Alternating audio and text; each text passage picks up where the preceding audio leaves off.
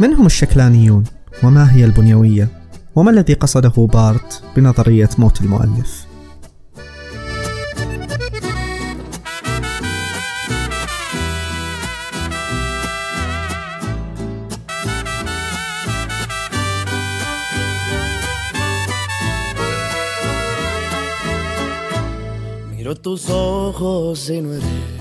أنا حسين الضوء وهنا الكنبة الصفراء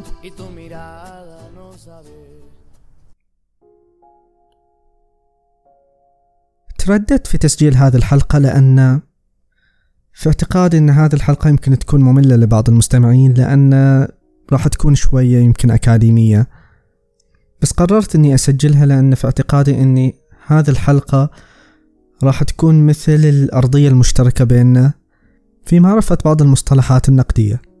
بالإضافة إلى أن معرفة الرواية كمفهوم نظري يساهم في أن إحنا نفهم كل رواية بشكل أفضل. فهذه الحلقة راح تكون مقدمة بسيطة وقصيرة جدا عشان نفهم أكثر ما هو النقد الأدبي. وراح أتكلم عن بعض المدارس النقدية أهمها مدرسة النقد الجديد والبنيوية. أول سؤال ممكن أن يطرح هو أن وش الفائدة من النقد الأدبي؟ وليش المفروض أنا كقارئ للرواية أو للأدب عموما يكون عندي مفهوم لا بأس به في النقد الأدبي عشان أفهم هذه الأعمال الأدبية. عشان نجاوب على هذا السؤال لازم نرجع إلى فكرة رئيسية أو سؤال رئيسي وهو أين يكمن المعنى؟ عملية القراءة هي عملية تفاعلية بين قارئ ونص من أجل تشكيل معنى. القارئ يبحث أو يخلق معنى عبر قراءة هذا النص أيا يكن هذا النص. فالسؤال اللي حاولت أن تجيب عليه المدارس النقدية المختلفة هو أين يكمن المعنى؟ هل يكمن المعنى فيما يقصده المؤلف؟ أو في النص نفسه؟ أو أن المعنى يوجد عند القارئ؟ اختلاف الإجابة على هذا السؤال هو سبب وجود عدة مدارس نقدية ولكي نقوم بممارسة نقدية لابد أولا كما هو الحال في بقية المعارف المختلفة أن نبدأ من النظرية لابد أن يكون هناك تنظير أول يساعدنا في فهم المشكلة أو الجانب المعرفي اللي إحنا قاعدين ندرسه ومن ثم الانتقال إلى الجانب العملي. ففي هذه الحالة النقد الأدبي هو الجانب العملي لنظرية الأدب. فلا بد أولا أن نتعلم أو نعرف أكثر في نظرية الأدب ومن ثم نقوم بالنقد الأدبي. ما راح أبدأ من المدارس النقدية القديمة جدا لأن في اعتقادي أن أكثر ما تحمله هذه المدارس من أفكار هي ليست جاذبة للقراء اليوم. ولذلك حلقة اليوم راح تكون مختصة بالمدارس النقدية اللي كانت تعتقد بأن المعنى يكمن في النص فقط. يعني ما راح أتكلم عن المدارس النقدية اللي كانت تبحث عن آه، المعنى من خلال قصدية المؤلف ولا في النظريات الحديثة جدا اللي جت من بعدها اللي نقدر نطلق عليها بنظريات ما بعد الحداثة وغيرها. وأول هذه المدارس هي ما يعرف بالمدرسة الشكلانية. والمدرسة الشكلانية تعتبر مرحلة مهمة في تاريخ النقد الأدبي لأن نقدر نقول بأن المدرسة الشكلانية هي أول مدرسة حاولت أنها تخلي قراءة الأعمال الأدبية قراءة موضوعية. يعني كيف أنا أقدر كقارئ أبحث في هذا النص الأدبي وأدرس جمالياته ولكن بشكل موضوعي بشكل ما يختلف بشكل كبير من شخص إلى آخر. المدرسة الشكلانية قررت أن هي تنتقل إلى النص لعدة أسباب. يعني الشكلانية وجدت أن هناك مشكلة أو عدة مشاكل. لو أردنا إحنا أن نبحث عن المعنى الموجود في النص عن طريق المؤلف. المشكلة الأولى هي أن حتى لو رحنا على سبيل المثال وسألنا المؤلف مباشرة عن اللي يقصده في روايته وقال لنا اللي يقصده بشكل مباشر راح نشوف إن إحنا أمام مشكلة ثانية وهي أن وصفه لمقصده من العمل الأدبي هو أيضا نص آخر يحتاج أيضا إلى تأويل. فحتى كلام المؤلف المباشر عن قصده يمتلك مساحة أيضا للاختلاف بين الناس. والمشكلة الثانية اللي وجدها الشكلانيين في البحث عن المعنى من خلال قصدية المؤلف هي أن المؤلف أحيانا الوصول إليه متعذر كأن يكون ميت على سبيل المثال. فهذه الأسباب هي اللي دفعت الشكلانيين إلى التحرر من قصدية المؤلف والإتيان بنظرية أكثر موضوعية. اهتم الشكلانيين بالنص نفسه بدون الاهتمام بالمحتوى وبدون الاهتمام حتى بقصدية المؤلف أو أي عناصر أخرى ليس لها علاقة مباشرة بالنص. ومن جملة الأمور اللي لاحظها الشكلانيين في النص وجمالياته هي أولا أن النص الأدبي مكتوب بشكل غير متسلسل زمنيا. هذا التشوه الزمني الموجود في الرواية لما لاحظ الشكلانيين لاحظوا أن هذا السرد الغير متسلسل زمنيا يساهم بخلق حالة غرائبية في النص بحيث أنه يخلي الشيء المألوف غير مألوف. ومن خلال هذه النقطة استطاعوا أن يأتوا بفكرة أعم أطلقوا عليها التغريب أو تغريب المألوف. لو بضرب مثال بسيط على فكرة تغريب المألوف راح أخذ رواية ساق البامبو كمثال للروائي الكويتي سعود السنعوسي. ساق البامبو تتكلم أو موضوعها هو الهوية الوطنية ولكن الرواية أو النص الأدبي عموما ما يتكلم عن الموضوعات هذه خصوصا اللي تبين كأنها مبتذلة في ظاهرها ما يتكلم عنها بشكل مباشر لأن الحديث عن هذه المواضيع بشكلها المباشر يقعنا في فخ الابتذال.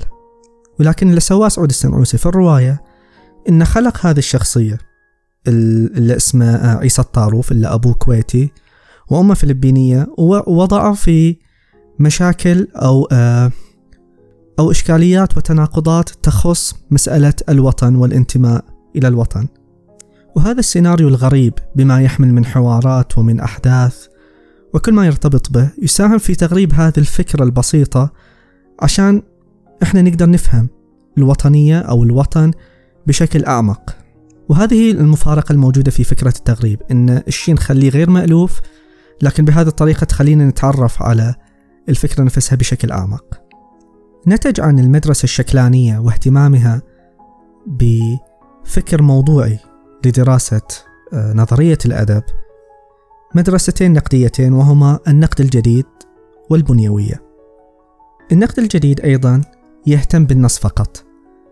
ويعتمد على فكرة بسيطة وهي أن النقد الجديد ينظر إلى النص من خلال فكرة واحدة ويحاول أن يرى وحدة واتساق لهذه الفكرة على مدى النص. يعني على سبيل المثال لو شخص قرأ رواية أن تقتل طائرا بريئا للأمريكي هاربر لي ولاحظ أن الرواية تعتمد بشكل كبير على علاقة الأب بأبنائه. ومحاولته دائما في أن يكون قدوة حسنة لأبنائه. ودائما هناك ما يعارض هذه المحاولات اللي يقوم بها الأب في أن يكون قدوة حسنة لأبنائه. فالنقد الجديد لو حاب يقدم قراءة نقدية لمثل هذه الرواية من خلال هذه الفكرة راح يبحث في كل يعني راح ينظر في مجمل النص من مشاهد أو جمل أو أي شيء ثيمات أو غيرها تدعم هذه الفكرة. يشوفها على مدى النص. هل هذه الفكرة متسقة؟ هل هناك استشهادات تدعم هذه الفكرة أو لا؟ وهذا الأسلوب النقدي أتوقع يمكن هو الأكثر رواجا في هذه الأيام بحيث أن إحنا لما نشاهد فيلم أو نشاهد مسلسل أو نقرأ رواية نحاول أن نبحث عن شيء متسق على مدى النص ونخلق قراءة موازية. يعني أنا أشوف آه، رواية وأقول الرواية تتكلم عن هذا الموضوع. ليش؟ لأني شفت مشاهد كثيرة على مدى هذه الرواية تدعم فكرتي أنا فبالتالي أنا أقدر أكتب نص موازي من خلال هذه الرواية ومن خلال الفكرة اللي أنا اخترتها في هذه الرواية. المدرسة الثانية اللي نشأت بعد الشكلانية هي المدرسة البنيوية. والمدرسة البنيوية أيضا تتفق مع الشكلانية والنقد الجديد في كونها موضوعية, موضوعية لكنها أكثر موضوعية من الثنتين الأخرتين المدرسة البنيوية جاية من فكرة في علم اللسانيات جاء بها آه، ساسيور متعلقة بعلاقة الدال بالمدلول. إحنا نعرف إن في كل لغة هناك كلمات نطلق عليها دوال. وهناك مدلولات اللي هي الأشياء اللي ترمز إليها هذا الدوال. يعني على سبيل المثال سيارة هذه الكلمة سيارة هي دال أو دالة بينما المركبة نفسها اللي فيها أربع عجلات هي المدلول. في اللسانيات يقول ساسيور بأن ما في علاقة أبدا بين الدال والمدلول بحيث إحنا لو نظرنا إلى كلمة سيارة إلى رسم الكلمة نشوف إن هي ما تشبه المدلول اللي هي السيارة نفسها. ولا حتى صوت لفظ سيارة يشبه الصوت اللي يطلع من السيارة. وإن السبب الوحيد اللي يربط بين الدال والمدلول هو اختلاف الدالة هذه عن كل الدوال.